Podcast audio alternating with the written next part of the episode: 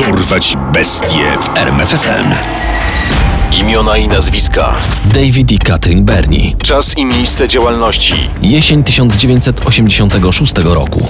Dom przy Moorhouse Street 3, Village, Australia. Liczba ofiar. 4. Wyrok. Poczwórne dożywocie dla każdego z morderców. Poznali się w wieku 12 lat. Wielokrotnie związywali się ze sobą i rozstawali. Połączyło ich trudne dzieciństwo, a następnie uczucie lub, jak twierdzą inni, chora więź. I zamiłowanie do przestępstwa, w końcu zbrodni. Już po osadzeniu w więzieniach wymienili ze sobą około 2600 listów. David i Catherine Birney, australijscy seryjni mordercy, należą po dziś dzień do najokrutniejszych par w historii. Urodzili się w odstępie kilku miesięcy od siebie w 1951 roku. David był najstarszym z pięciorga dzieci w rodzinie, która cieszyła się złą sławą na przedmieściach Wattle Grove, na północ od Perth. Jego ojciec był niepełnosprawny fizycznie, a o matce alkoholiczce krążyły nieprzychylne plotki. Stara Bernie to tylko umiała przeklinać i wyzywać te dzieciaki. Ha! I nigdy nie płaciła za kurs taksówkami inaczej niż seksem. Na początku lat 60. rodzina Davida przeprowadziła się w inne miejsce pod Perth, gdzie chłopak poznał niejaką Catherine Harrison. Dziewczynka miała zaledwie dwa lata, kiedy jej matka zmarła przy porodzie kolejnego dziecka. Mała Catherine wraz z ojcem zamieszkali w RPA. Jednak surowy Harold Harrison nie potrafił sobie poradzić z opieką nad dzieckiem. Według niektórych źródeł dochodziło wręcz do znęcania się nad dziewczynką. Catherine wróciła zatem do Australii, a jej wychowaniem zajęli się dziadkowie. A następnie, gdy babcia zaczęła cierpieć na epilepsję, ciotka z wujkiem. Jednak gdy Catherine miała 10 lat, Harold wywalczył prawo do pełnej opieki nad córką. Od początku nie był zadowolony ze znajomości dziewczynki z Davidem Birnim. Jednak przeciwności losu tylko wzmocniły przyjaźń, a od momentu, gdy oboje ukończyli 14 lat, związek Davida i Catherine. Chłopaka fascynowała polityka i nauka i potrafił zaczarować Catherine opowieściami przykład o egipskich piramidach. Ale wkrótce młodzi zostali rozdzieleni po raz pierwszy, ponieważ opieka społeczna odebrała dzieci państwu Birney i wysłała do pięciu różnych rodzin zastępczych. Piętnastoletni David porzucił jednak szkołę i postanowił zostać jokejem. Zatrudnił się na torze wyścigowym Ascot w Perth, gdzie szybko zyskał reputację ekshibicjonisty. Pewnego dnia włamał się do domu starszej kobiety, nagi i w nylonowych pończochach na głowie i próbował ją zgwałcić. Tego było już za wiele dla cierpliwego do tej pory szefa. Po opuszczeniu Escott David żył przede wszystkim z drobnych kradzieży. Został też kilkukrotnie ukarany za napady. Uzależnił się od pornografii i seksu. Uskarżał się na to też jego młodszy brat, który po latach wyznał. Gdyby David nie uprawiał seksu każdej nocy, chyba by zwariował. Raz był tak zdesperowany, że proponował stosunek nawet mnie. Odmówiłem, ale kiedy obudziłem się w nocy, zobaczyłem, że się do mnie dobiera. Tymczasem Catherine porzuciła szkołę i pracowała w fabryce rolet okiennych.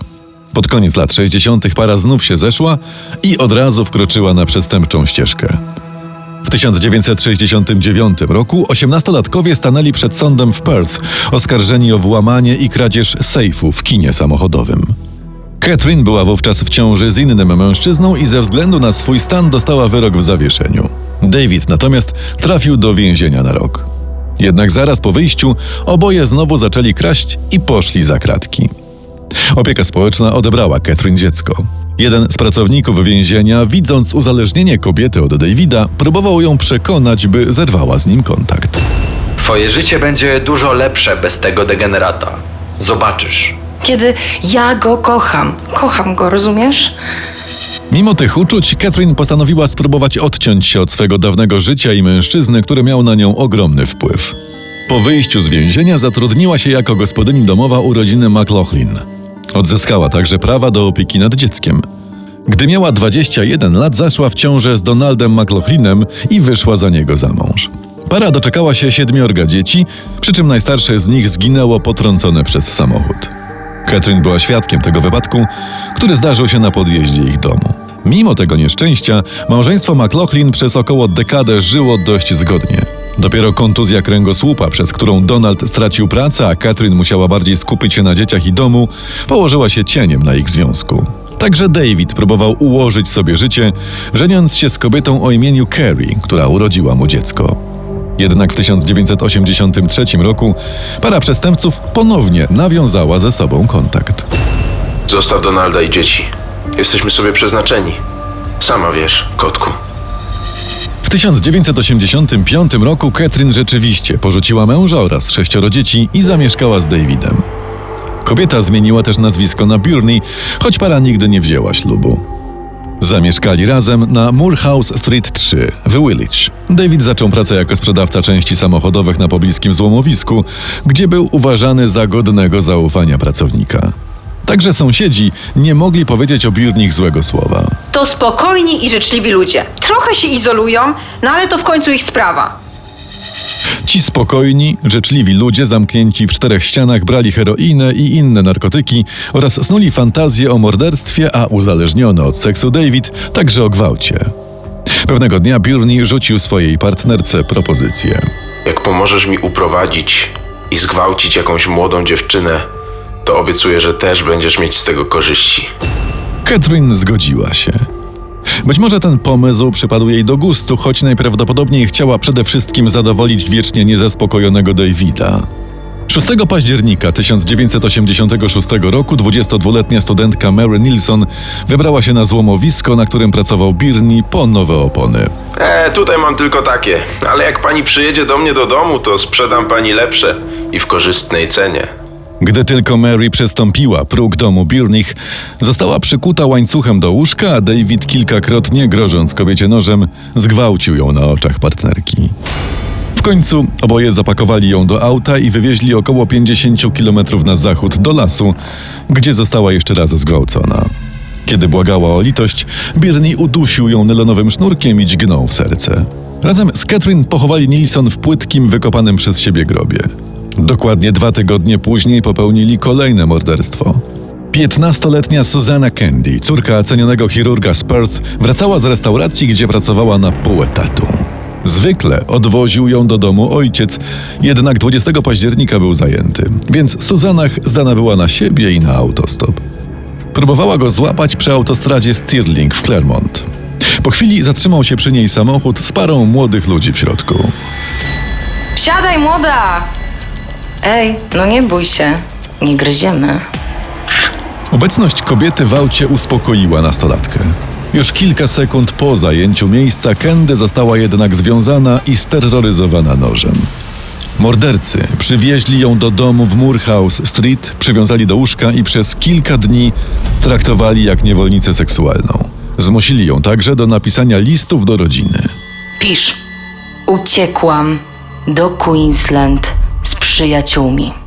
Pisz! To zobaczymy, co dalej. Gdy David próbował założyć dziewczynie na szyję nelonową żyłkę, ta histerycznie wierzgała i walczyła z nim. W końcu para morderców wepchnęła Suzanach tabletki nasenne do gardła. Gdy zasnęła, David zwrócił się do partnerki. Udowodnij, że mnie kochasz i uduś ją. Catherine zrobiła to, a następnie zabójcy wywieźli ciało dziewczyny do lasu i pochowali w płytkim grobie w pobliżu miejsca, gdzie spoczywały zwłoki ich pierwszej ofiary. Po kilku dniach wysłali jeden, a potem drugi list Suzana. Jednak nie przekonały one rodziny Candy, która wszczęła poszukiwania nastolatki. 1 listopada mordercza para zaatakowała po raz kolejny. Tym razem ich ofiarą została 31-letnia Nolene Patterson. Była stewardesa, która pracowała w klubie golfowym. Kobieta wracała z pracy autostradą Canning, gdy zauważyła, że skończyło jej się paliwo. Szlak. Akurat teraz. Dzień dobry, pani Patterson. Może pomóc? Nolin znała Birnich, bo kilka tygodni wcześniej zatrudniła ich do położenia tapet w domu. Odetchnęła więc z ulgą, która okazała się przedwczesna. David zaciągnął ją do auta, a następnie spotkał ją ten sam los co poprzednie ofiary. Z jedną różnicą. David zaczął się angażować emocjonalnie w relacje z kobietą i coraz trudniej było mu myśleć o tym, że powinien ją zabić. Po kilku dniach Catherine zrobiła się zazdrosna. Przyłożyła nóż do gardła kobiety i zażądała, by Burney dokonał wyboru. Albo ona, albo ja. Patterson została pochowana obok ciał dwóch poprzednich ofiar. Cztery dni później życie straciła 21-letnia Denise Brown, która czekała na autobus przy Stirling Road. Po znęcaniu się nad nią w domu, David i Catherine wywieźli ją do lasu, gdzie kobieta otrzymała kilka ciosów nożem. Mimo to podniosła się, wykazując oznaki życia. Wtedy Birni wyjął siekierę i rozłupał jej czaszkę. Ostatnią ofiarą Birnich i zarazem jedyną, która przeżyła ich atak, była 17-letnia Kate Moyer. 9 listopada dziewczynka wracała z imprezy z przyjaciółmi i chętnie skorzystała z propozycji podwózki. Później wspominała. Ta kobieta powiedziała do mężczyzny: Mam przekąski. A ty masz przekąski?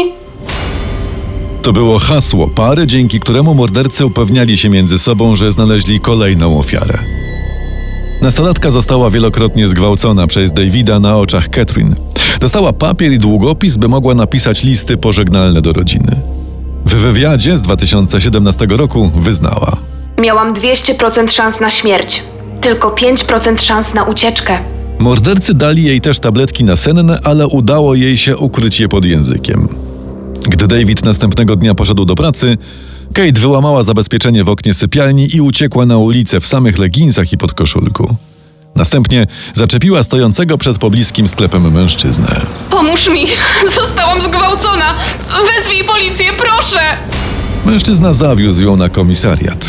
Po złożeniu pierwszych zeznań policjanci udali się na Moorhouse Street 3 i aresztowali Catherine. David został zatrzymany w pracy. Początkowo para nie przyznawała się do winy, twierdząc, że nastolatka przyszła do nich z własnej woli. Po całodziennym przesłuchaniu Davida prowadzący je śledczy Vince Catich powiedział: Dobra, David, robi się ciemno.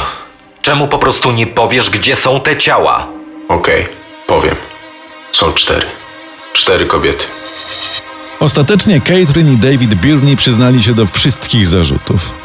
W lutym 1987 roku oboje zostali skazani na poczwórne dożywocie. Sędzia Alkin Wallace, uzasadniając wyrok w sprawie Davida, powiedział: Każda z tych okropnych zbrodni została popełniona z premedytacją i przeprowadzona w sposób okrutny i bezwzględny w stosunkowo krótkim czasie. Ten człowiek nigdy nie powinien opuścić więzienia. Catherine pozwolono ubiegać się o zwolnienie warunkowe dopiero w 2007 roku. Po ogłoszeniu wyroku kobieta kopała i opluwała funkcjonariuszy, którzy zawieźli ją do więzienia w Bandy Up. Za to David, który miał trafić do więzienia o zaostrzonym rygorze, uśmiechał się do otaczającego furgonetkę tłumu i rozdawał buziaki. Przez długie lata para wymieniała listy, ale w końcu ich przywiązanie osłabło. Gdy Catherine zrozumiała, że nie ma szans na zwolnienie warunkowe, deklarując wciąż przywiązanie do partnera, zaczęła twierdzić, że wszystkich zbrodni, których była współsprawczynią, dokonała pod wpływem uczucia i że są one poniekąd winą Davida. 7 października 2005 roku David Burney został znaleziony martwy w swojej celi w więzieniu w Casuarina. Popełnił samobójstwo, wieszając się na prześcieradle. Catherine Birney do dziś pracuje w więziennej bibliotece w Bandiap i bezskutecznie próbuje uzyskać zwolnienie warunkowe. Jej prośby są odrzucane co kilka lat. Prowadzący śledztwo w sprawie morderstw z Moorhouse Street Paul Ferguson utrzymuje, że kobieta jest pasożytem, bezwzględnie złym człowiekiem, który wciąż próbuje oszukać wszystkich, udając łagodną owieczkę. Zdanie śledczego podziela także jeden z synów morderczyni. Moja matka powinna zgnić w więzieniu i tyle w temacie. Poznaj sekrety największych zbrodniarzy świata. Dorwać bestie w RMFFM.